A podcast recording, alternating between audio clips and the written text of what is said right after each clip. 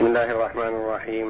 الحمد لله رب العالمين والصلاة والسلام على نبينا محمد وعلى آله وصحبه أجمعين. وبعد. أعوذ بالله من الشيطان الرجيم. ويستنبئونك أحق هو قل اي ربي إنه لحق وما أنتم بمعجزين. ولو أن لكل نفس ظلمت ما في الأرض لافتدت به وأسروا الندامة لما رأوا العذاب وقضي بينهم بالقسط. وقضي بينهم بالقسط وهم لا يظلمون. ألا إن لله ما في السماوات والأرض ألا إن وعد الله حق. ولكن أكثرهم لا يعلمون. هو يحيي ويميت وإليه ترجعون. يا أيها الناس قد جاءتكم موعظة من ربكم وشفاء لما في الصدور وشفاء لما في الصدور وهدى ورحمة للمؤمنين. قل بفضل الله وبرحمته فبذلك فليفرحوا هو خير مما يجمعون. يستنبئونك أحق هو قل وربي إنه لحق وما أنتم بمعجزين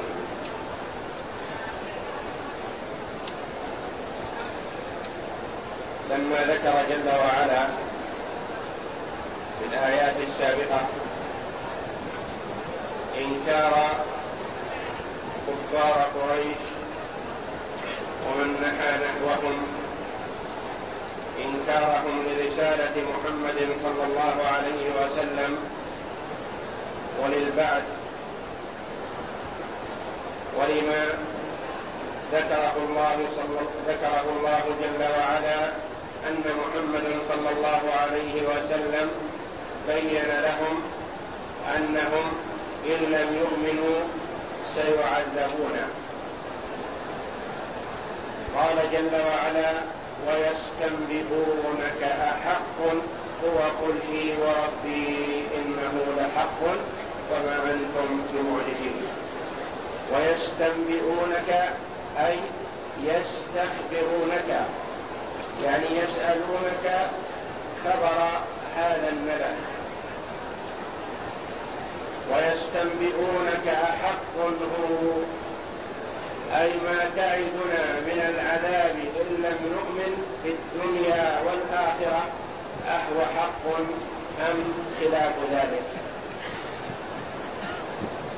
وهذا السؤال منهم أوردوه للنبي صلى الله عليه وسلم على سبيل التهكم والسخرية بالنبي صلى الله عليه وسلم والاستبعاد أي أن ما تقوله أن ما تقوله بعيد ولا يقع. ويستنبئونك أحق هو فأمره الله جل وعلا أن يجيبهم وأن يقسم على ذلك بربه جل وعلا. قل إي وربي إنه لحق. إي بمعنى حرف الجواب نعم. إي نعم وربي إنه لحق. وأمره الله جل وعلا أن يقسم على ذلك. والقسم إذا كان المقسم محقا فيما يقول فإن فيه تعظيما لله جل وعلا وتأكيدا لصحة خبره. والله جل وعلا أمر عبده ورسوله محمدا صلى الله عليه وسلم أن يؤكد لمن سأله عن البعث بأنه حق. قل إي وربي إنه لحق وما أنتم بمعجزين. أكده جل وعلا بمؤكدات. اولا حرف الجواب التي الذي هو إي بمعنى نعم. والقسم في قوله جل وعلا وربي ونون المؤكدة إن التي يؤتى بها للتأكيد إنه واللام الداخلة على الخبر في قوله لحق وكونه أورده بجملة اسمية. كل هذه مؤكدات لصدق خبره صلى الله عليه وسلم. إي وربي إنه لحق أي البعث والجزاء والحساب والعذاب لمن عصى الله والنعيم لمن أطاعه إي وربي إنه لحق. ثم أكد جل وعلا بأن ما وعدهم به النبي صلى الله عليه وسلم من العذاب بأنه واقع لا محالة وأنهم لن يفلتوا من يد الله جل وعلا. وما أنتم بمعجزين. فأكد جل وعلا ما توعدهم به رسوله صلى الله عليه وسلم. والمرء قد يتوعد غيره بوعيد. فالمتوعد قد لا يخاف كثيرا لأنه يقول إما أن يكون ما توعدت به غير واقع وإما أن أفلت من يد المتوعد. فالله جل وعلا أكد بأنهم لن يفلتوا من يد الله جل وعلا. وما أنتم بمعجزين ما أنتم بمفلتين بل أنتم في يد الله جل وعلا وتحت قبضته. وما أنتم بمعجزين. ثم بين جل وعلا أن كل نفس ظلمت في ذلك الموقف تحرص. كل الحرص على أن تسلم من العذاب ولو أن تفتدي ذلك بكل ما في الأرض إذا أمكنها ذلك. فقال جل وعلا ولو أن لكل نفس ظلمت ما في الأرض لافتدت به. فذلك الموقف يوم القيامة موقف عظيم وموقف رهيب. يتمنى الإنسان أن يفتدي من العذاب ومن الهول بكل ما في الأرض لو أمكنه ذلك. ولو أن لكل نفس ظلمت. ظلمت من؟ ظلمت نفسها. لأن من عصى الله جل وعلا ومن أشرك به ومن عبد مع الله غيره ومن أعرض عن طاعة الله ما ظلم الله ولا ظلم الرسول صلى الله عليه وسلم ولا ظلم المؤمنين. وإنما ظلم نفسه. فالمرء يضر نفسه. ولو أن لكل نفس ظلمت ما في الأرض لو أنها ملكت ما في الأرض لافتدت. فالمرء في الدنيا يطلب منه الشيء اليسير فيأبى. يطلب منه إفراد العبادة لله وحده. يطلب منه المحافظة على الصلوات الخمس التي أمر الله جل وعلا بها في كتابه وحث عليها رسوله صلى الله عليه وسلم. يطلب منه أن يدفع ربع العشر مما ملكت يده من تجارة ودراهم ودنانير. وما رزقه الله من الحرث عشرا أو ربع العشر فيأبى ذلك ويمتنع ولا يؤدي ما أوجب الله عليه. والمطلوب منه شيء يسير. أعطي الكثير وطلب منه اليسير فأبى. وفي عرصات القيامة وحينما يرى الهول ويرى العذاب يتمنى لو أنه يملك كل ما في لنفسه ولكن هيهات هذا تمن لا ينفع.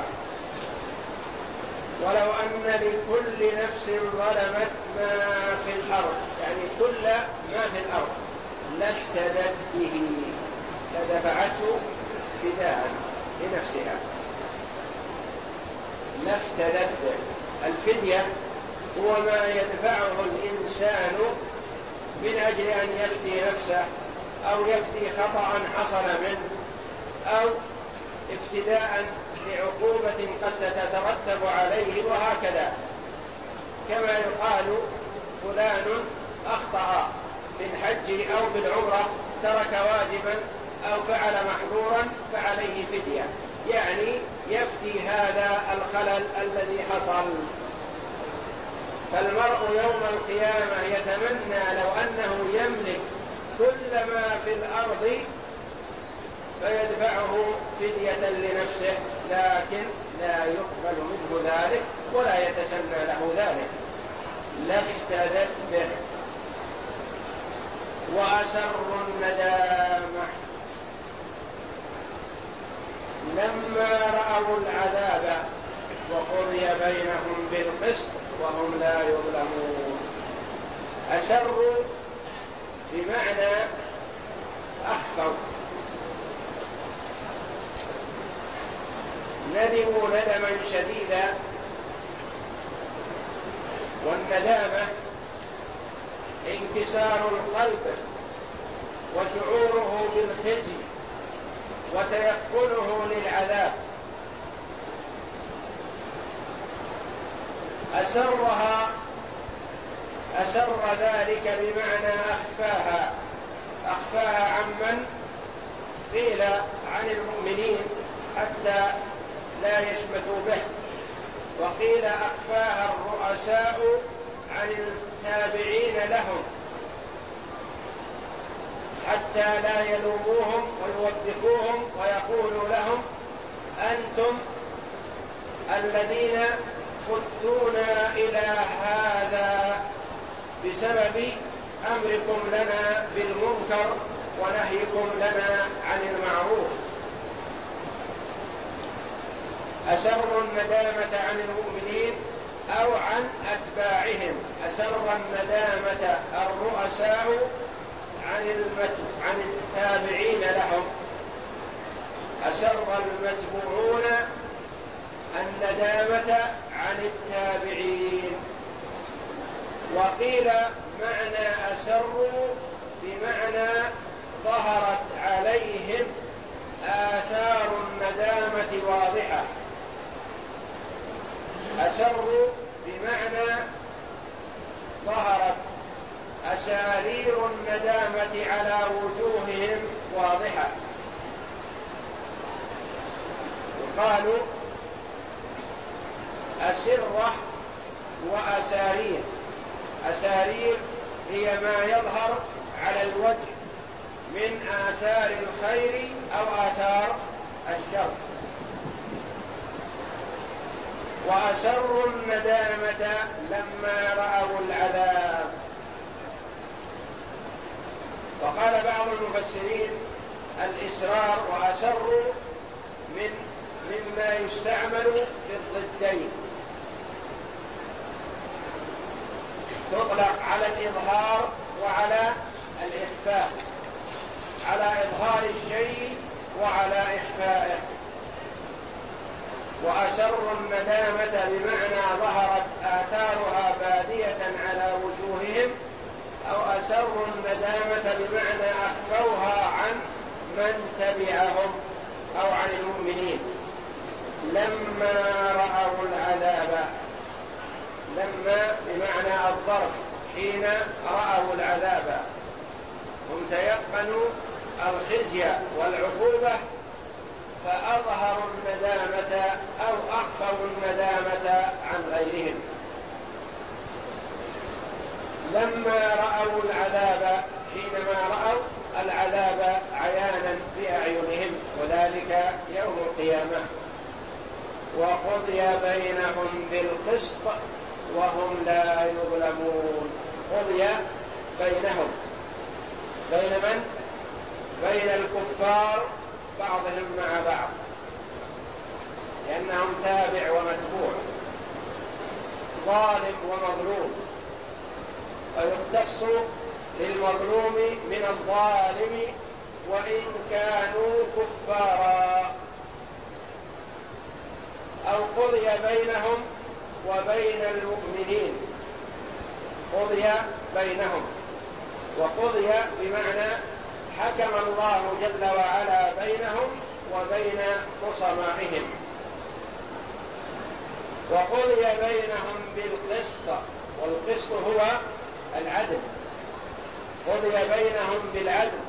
فالله جل وعلا لا يظلم أحدا من خلقه وإن كان هذا المخلوق ظالما. فالله جل وعلا لا يزيد في عقوبة من يستحق العقوبة لا يزيد فيها أكثر مما يستحق. كما أنه لا يبخس من له حسنة أو له معروف أو له مظلمة وإن كان كافرا. وقضي بينهم بالقسط. وهم لا يظلمون. الواو هذه عبر عنها العلماء لانها واو الحال. وهم لا يظلمون والحال أنهم لا يظلم أحد منهم. فالله جل وعلا حرم الظلم على نفسه وجعله بين عباده محرما. فهو جل وعلا لا يظلم الناس ولكن الناس أنفسهم يظلمون.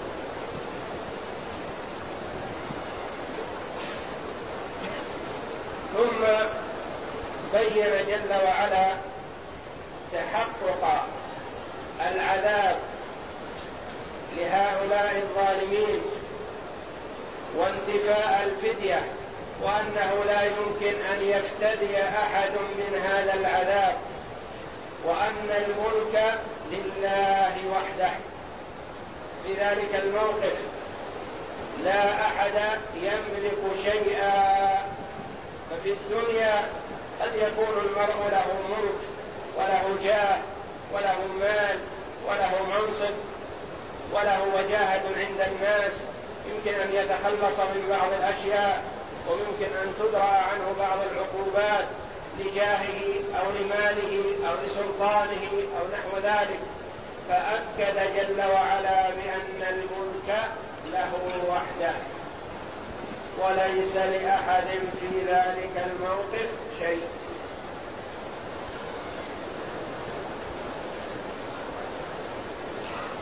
كل الخلق بين يدي الله جل وعلا وتحت تصرفه ولا أحد يستطيع أن ينفع غيره بشيء.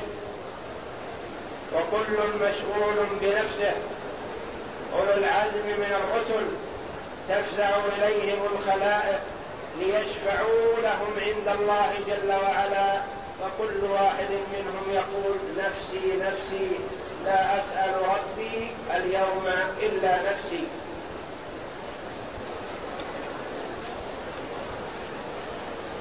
فيقوم بالشفاعة العظمى نبينا محمد صلى الله عليه وسلم. كرامة له عند الله جل وعلا في ذلك الموقف العظيم. يقول ألا إن لله ما في السماوات والأرض؟ قد يقول قائل إن له جاه في الدنيا أو له مال أو له كذا يمكن أن يكون معه في ذلك الموقف. ألا إن لله ما في السماوات والأرض. وهنا ألا هذه حرف تنبيه. الاهتمام والإصغاء والانتباه لما بعدها. ألا إن لله ما في السماوات والأرض. كل ما في السماوات وما في الأرض فهو ملك لله جل وعلا لا ملك لأحد في ذلك الموقف. ألا إن وعد الله حق. كذلك هذه ألا أداة تنبيه. ليهتم ولينتبه لما بعدها. ألا إن وعد الله حق. ما وعدكم الله به على لسان محمد صلى الله عليه وسلم وعلى لسان سائر الأنبياء هو حق وصدق وواقع لا محالة. ألا إن وعد الله حق. ما وعد به من الثواب والعقاب فهو حق وكائن لا محالة. ولكن أكثرهم لا يعلمون. الكثير من الناس غافلون عن هذا معرضون عن هذا. ما أخذوا الاستعداد والعدة لذلك الموقف. أضاعوا دنياهم فيما لا فائدة لهم فيه وتركوا ما فيه نجاتهم وسعادتهم. ولكن أكثرهم لا يعلمون. والقلة هم المنتبهون. وكما ورد في الحديث بعث الجنة من كل ألف واحد وتسعمائة وتسعة وتسعون إلى النار. والله جل وعلا يقول وإن تطع أكثر من في الأرض يضلوك عن سبيل الله. وما أكثر الناس ولو حرصت بمؤمنين. ولكن أكثرهم لا يعلمون. ولو علموا لاستعدوا ثم بين جل وعلا كمال قدرته. فقال سبحانه هو يحيي ويميت وإليه ترجعون. هو الذي خلقكم من العدم. ثم يميتكم. فتؤولوا إلى العدم. ثم يعيدكم مرة ثانية وإليه ترجعون. وإليه ترجعون.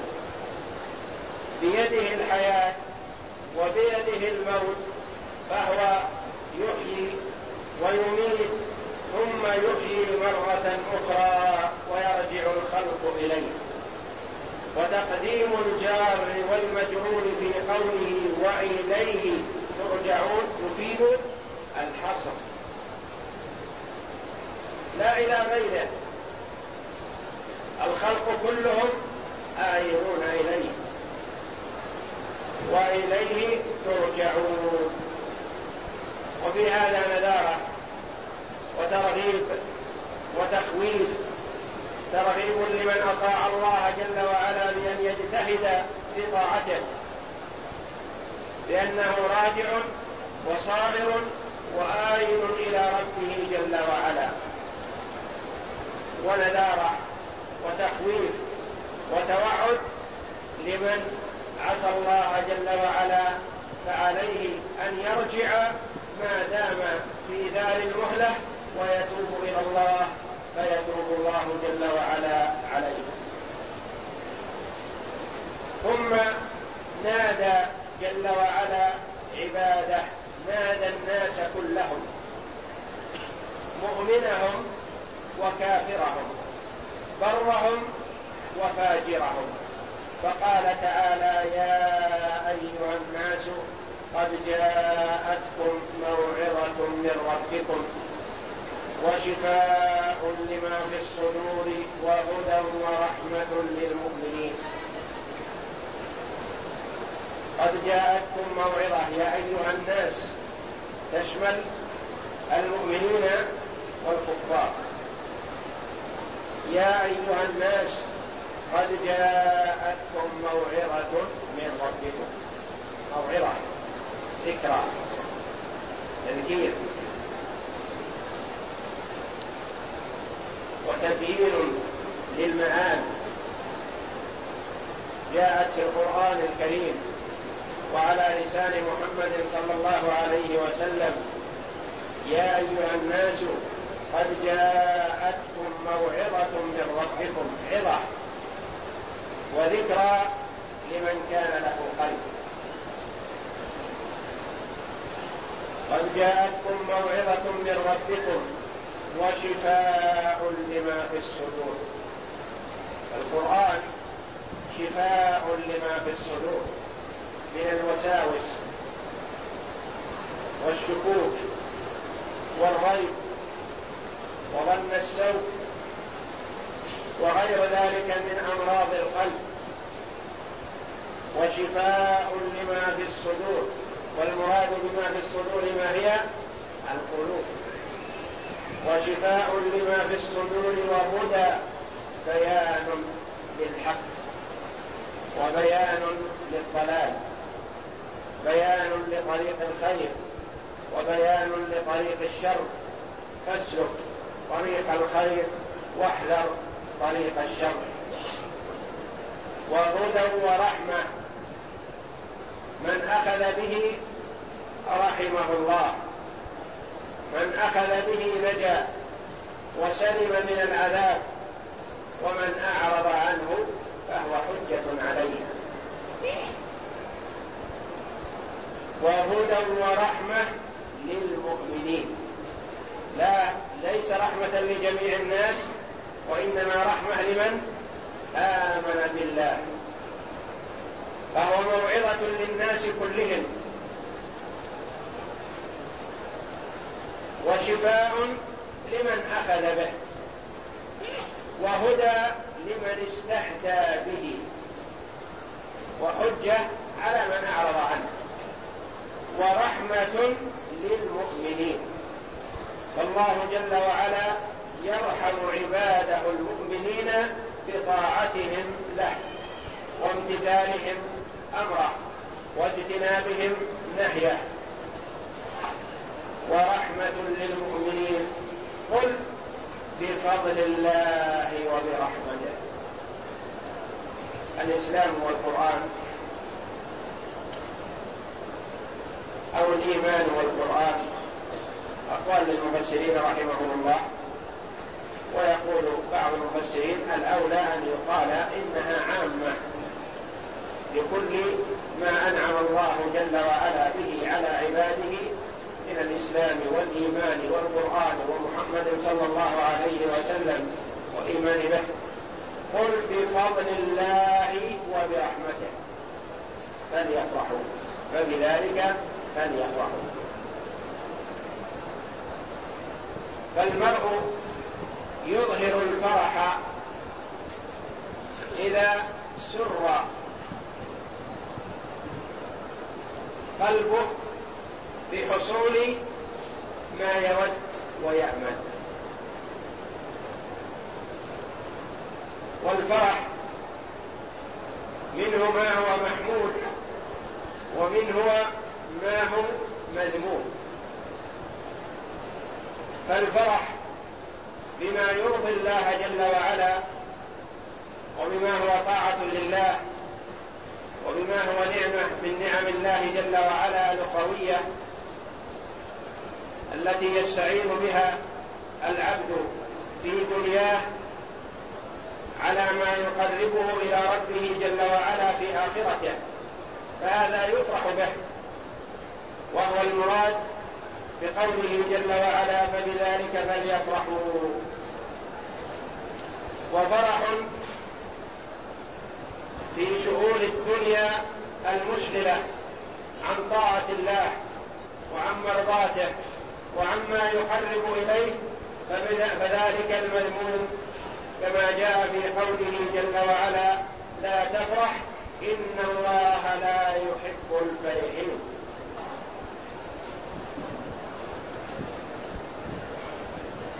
قل بفضل الله وبرحمته.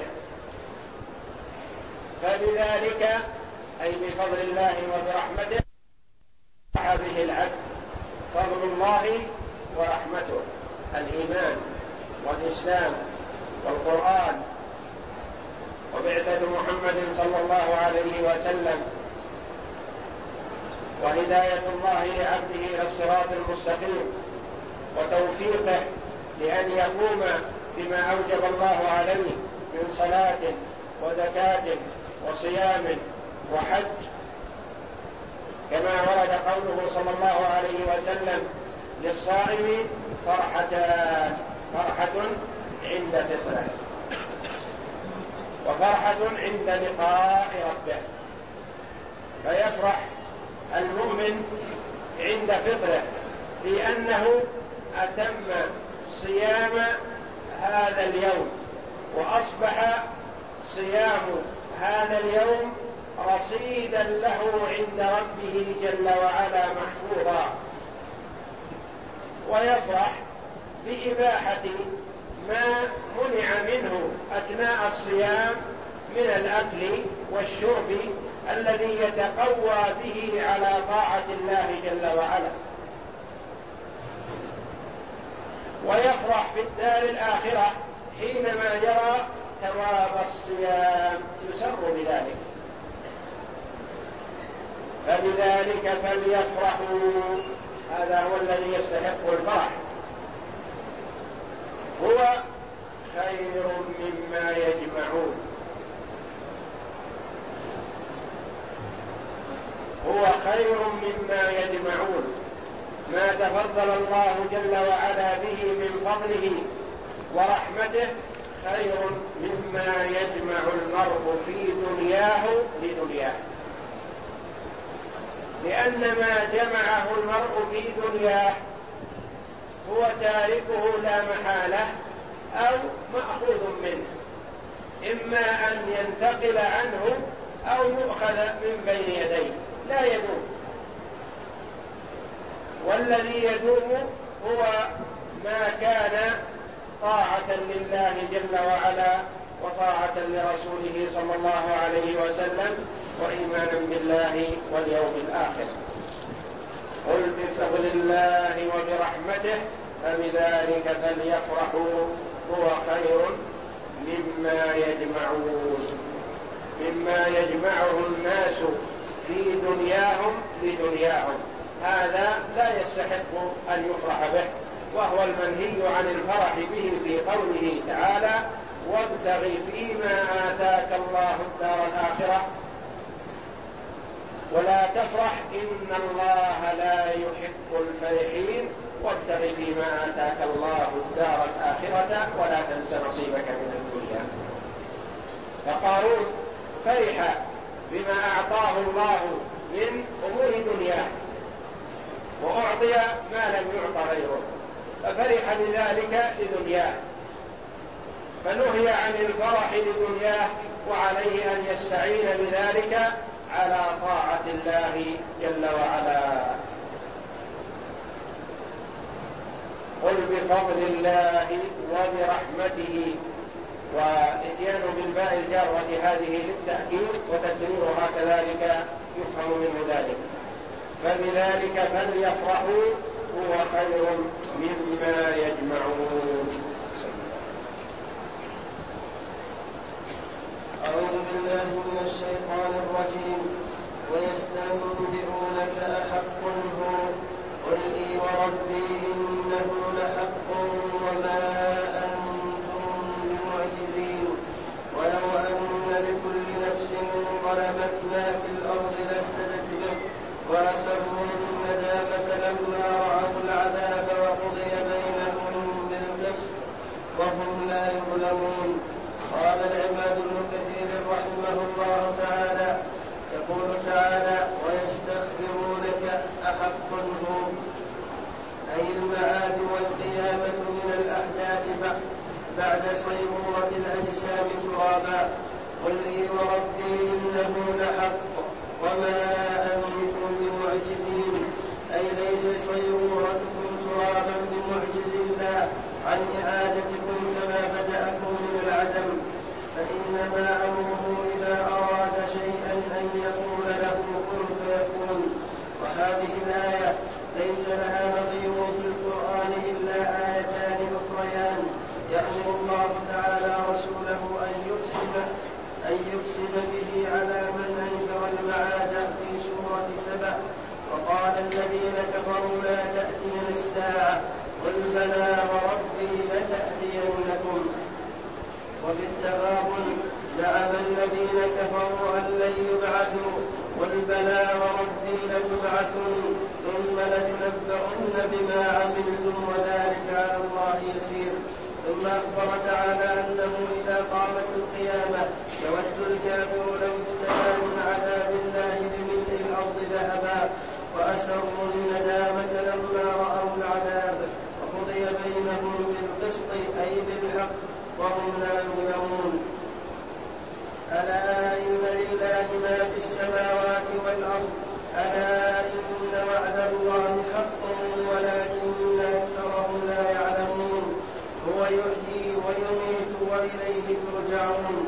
يخبر تعالى أنه مالك السماوات والأرض وأن وعده حق كائن لا محالة وأنه يحيي ويميت وإليه مرجعهم وأنه القادر على ذلك العليم بما تفرق من الأجسام وتمزق في سائر في سائر أبطال الأرض والبحار والجبار يا أيها الناس قد جاءتكم موعظة من ربكم وشفاء لما في الصدور وهدى ورحمة للمؤمنين. قل بفضل الله وبرحمته فبذلك فليفرحوا. هو خير مما يجمعون. يقول تعالى ممتنا على خلقه بما أنزله من القرآن العظيم على رسوله الكريم.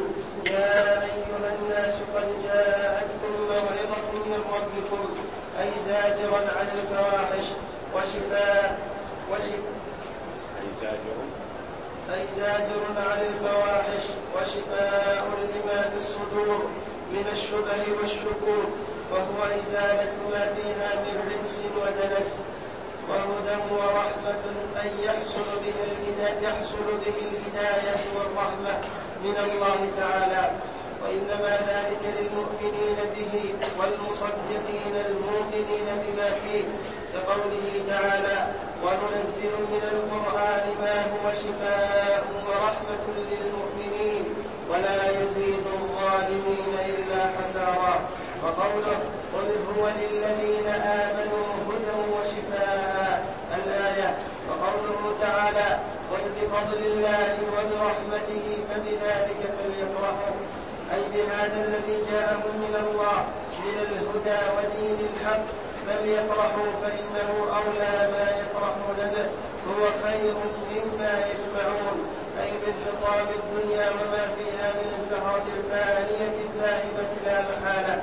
كما قال ابن أبي حاتم في تفسير هذه الآية وذكر بسنده عن بقية بن الوليد عن صفوان بن عمرو سمعت أيفع ابن عبد الكلاعي يقول لما قدم خرج العراق إلى عمر رضي الله عنه خرج عمر ومولى له فجعل عمر يعد الإبل فإذا هي أكثر من ذلك فجعل عمر يقول الحمد لله تعالى ويقول مولاه هذا والله من فضل الله ورحمته.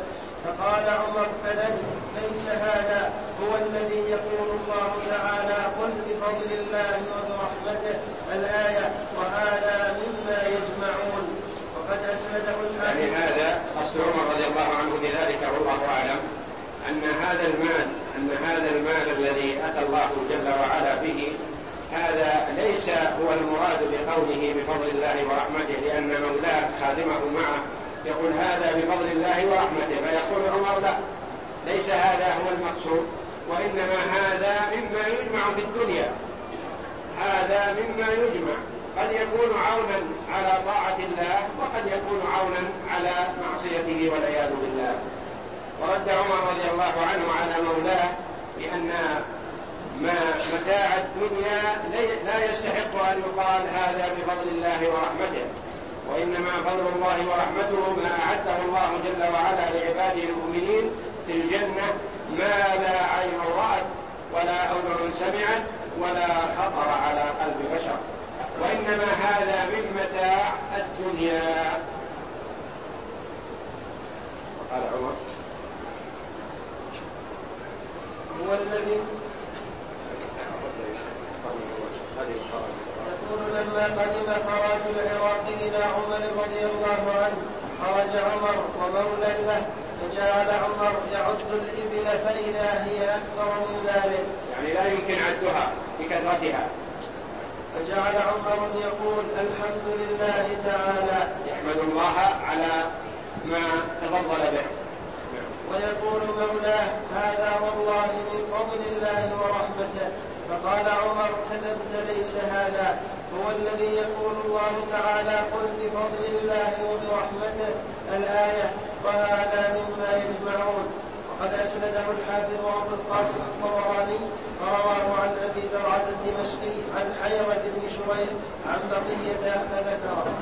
والله أعلم وصلى الله وسلم وبارك على عبده ورسوله نبينا محمد وعلى آله وصحبه